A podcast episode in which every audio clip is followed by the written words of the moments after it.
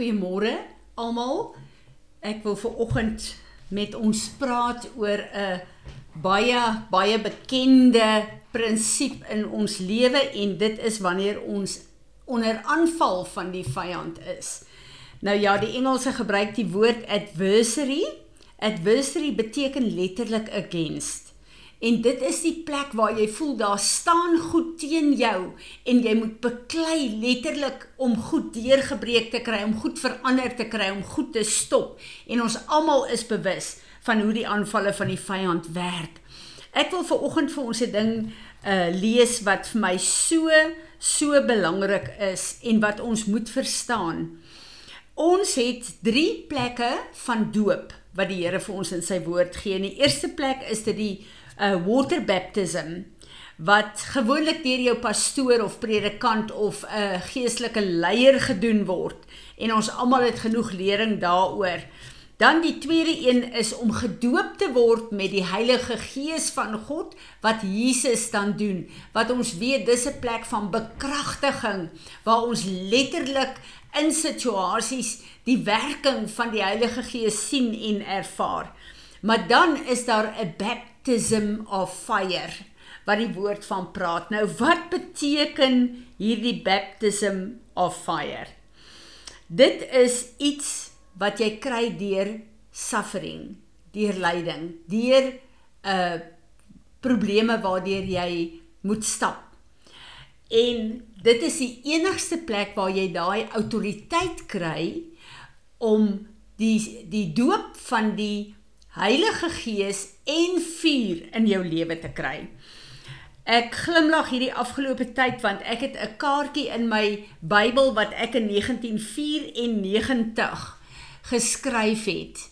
En ek dink amper hierdie is 'n plek waar uh, die Here my so half 'n uh, bietjie um, uh, uh, gevang het om hierdie 'n uh, ding neer te skryf en vir hom te vra want dit is sy pad met my gewees maar ek het nie geweet wat dit beteken nie en op hierdie kaartjie staan daar Here ek bid dat u my met vuur sal doop en dat u my sal reinig en sal heilig tot u eer Nou ja, ek het nie geweet dat hierdie doop met vuur is nie soos dooping met die Heilige Gees en doop met water wat eenmalig gedoen word en dan is dit klaar nie.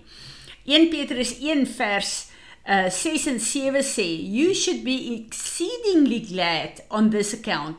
Though now for a little while you may be distressed by trials and suffering temptations so that the genuineness of your faith may be tested. Your faith which is infinitely more precious than the perishable gold which is tested and purified by fire This proving of your faith, faith is intended to redound to your praise and glory and honor when Jesus Christ the Messiah, the anointed one is revealed. Sjoe.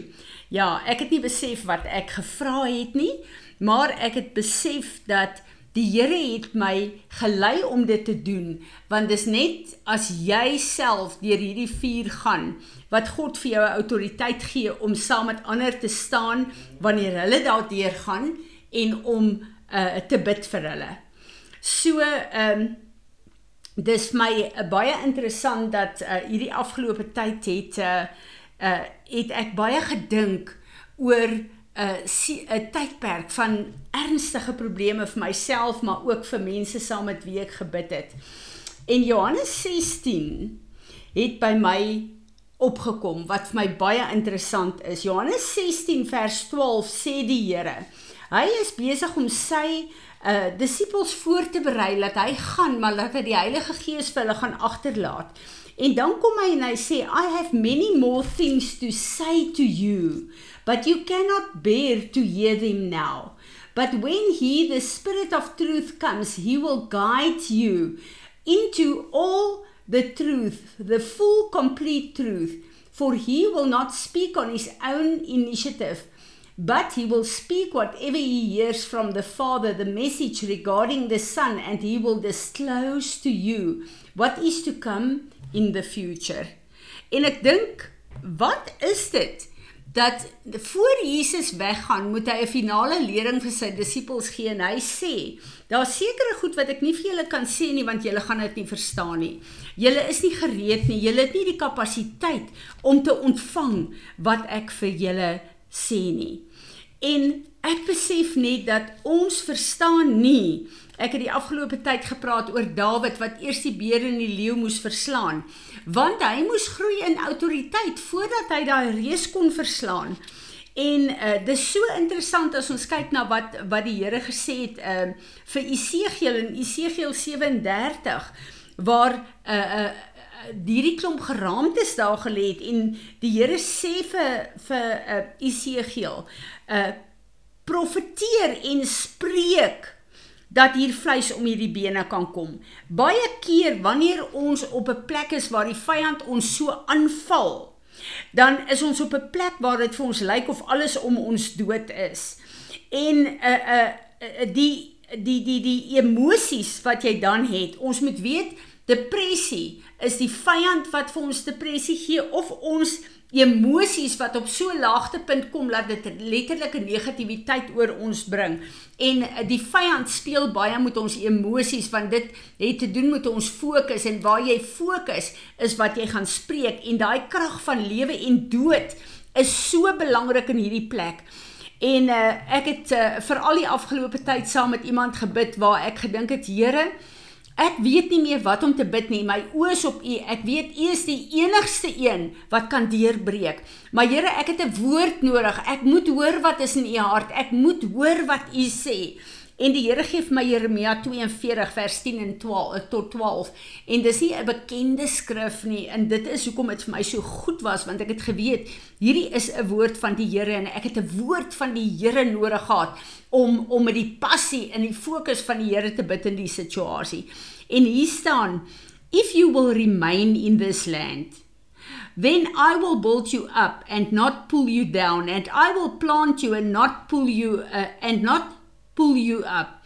For I will relent and comfort and ease myself concerning the evil that in uh, chastisement I have done to you, and I will substitute mercy and loving kindness for judgment.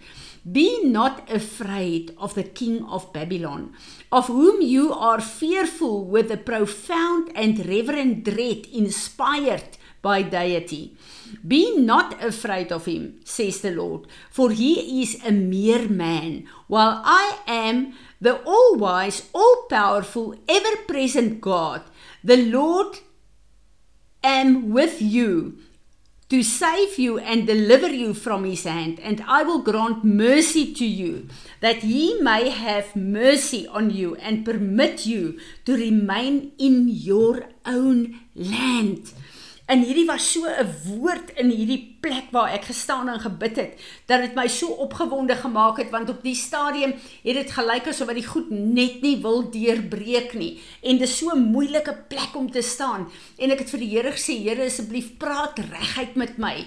As hierdie saak nie van U af is nie dan wil ek dit weet want is beter om die waarheid te praat as om aan te gaan beklei vir iets wat wat uh nie van U af is nie. En toe die Here hierdie woord vir my gee op die plek waar ek gevoel het ek het God se woord nodig nie my kennis of my my 'n uh, woord nie. En die Here kom en hy gee hierdie woord vir my. Was dit asof wat daar nuwe krag in my opgestaan het? En hier op hierdie plek het ek gevoel die goed draai in die gees. En ek het besef iets wat ek en jy moet verstaan is dat ehm um, wanneer ons in moeilike situasies is Dis die woord van God wat die vyand, die adversary, die een wat teen ons staan. Dis hy wat kom en ons 'n 'n 'n 'n oorwinning vir ons laat deurbreek. So wanneer ek en jy op 'n moeilike plek staan, wanneer ons klaar gebid het wat ons kon bid, gedoen het wat ons kon doen en jy staan op daai plek, vra vir die Here, gee vir my asseblief deur u gees 'n woord. Ek het nodig om 'n woord uit te spreek. En ek weet dat U sê vir ons in Jesaja wanneer my woord uit jou mond uitgaan, gaan dit nie leeg terugkeer nie, maar dit gaan bereik presies waartoe ek dit gestuur het. En dis wat ek en jy nodig het. Daar's 'n plek waar ek en jy met die kennis en dit wat Jesus ons geleer het en met die die die woord wat ons ken, die kennis van die woord, die kennis van oorlogvoering waar ons met dit kan bid. Maar elke geveg wat ons veg, het 'n spesifieke woord nodig om die oorwinning te laat deurbreek. Want onthou die Here sê in Psalm 103 wanneer ons bid wanneer ons sy woord laat uitgaan. Hy luister nie net nie hy uh, uh, antwoord ook. En daar staan dat ek stuur my engele om daai woord te volbring. So ek en jy bid in die fisiese maar in die gees stuur God sy engele uit om sy woord uit ons mond uit te volbring. En daar is niks niks so belangrik soos die woord van God nie. En môre wil ek praat oor die woord van God en wat Jesus ons oor toegerus het om te doen hier op aarde. Maar ek en jy het 'n God wat elke tree saam met ons stap en wat toelaat dat ons deur die vuur gaan, maar wanneer ek en jy deur die vuur gaan, is dit the baptism of fire. Dis waar ek en jy die autoriteit en die krag kry om te doen wat die Here in ons volgende seisoen vir ons gaan laat doen. So ek en jy, wanneer ons deur hierdie baptism of fire gaan, is dit om God se glorie meer en meer in ons gestalte te laat kry, want God weet waar is hy op pad met ons heen en wat gaan in ons volgende seisoen gebeur.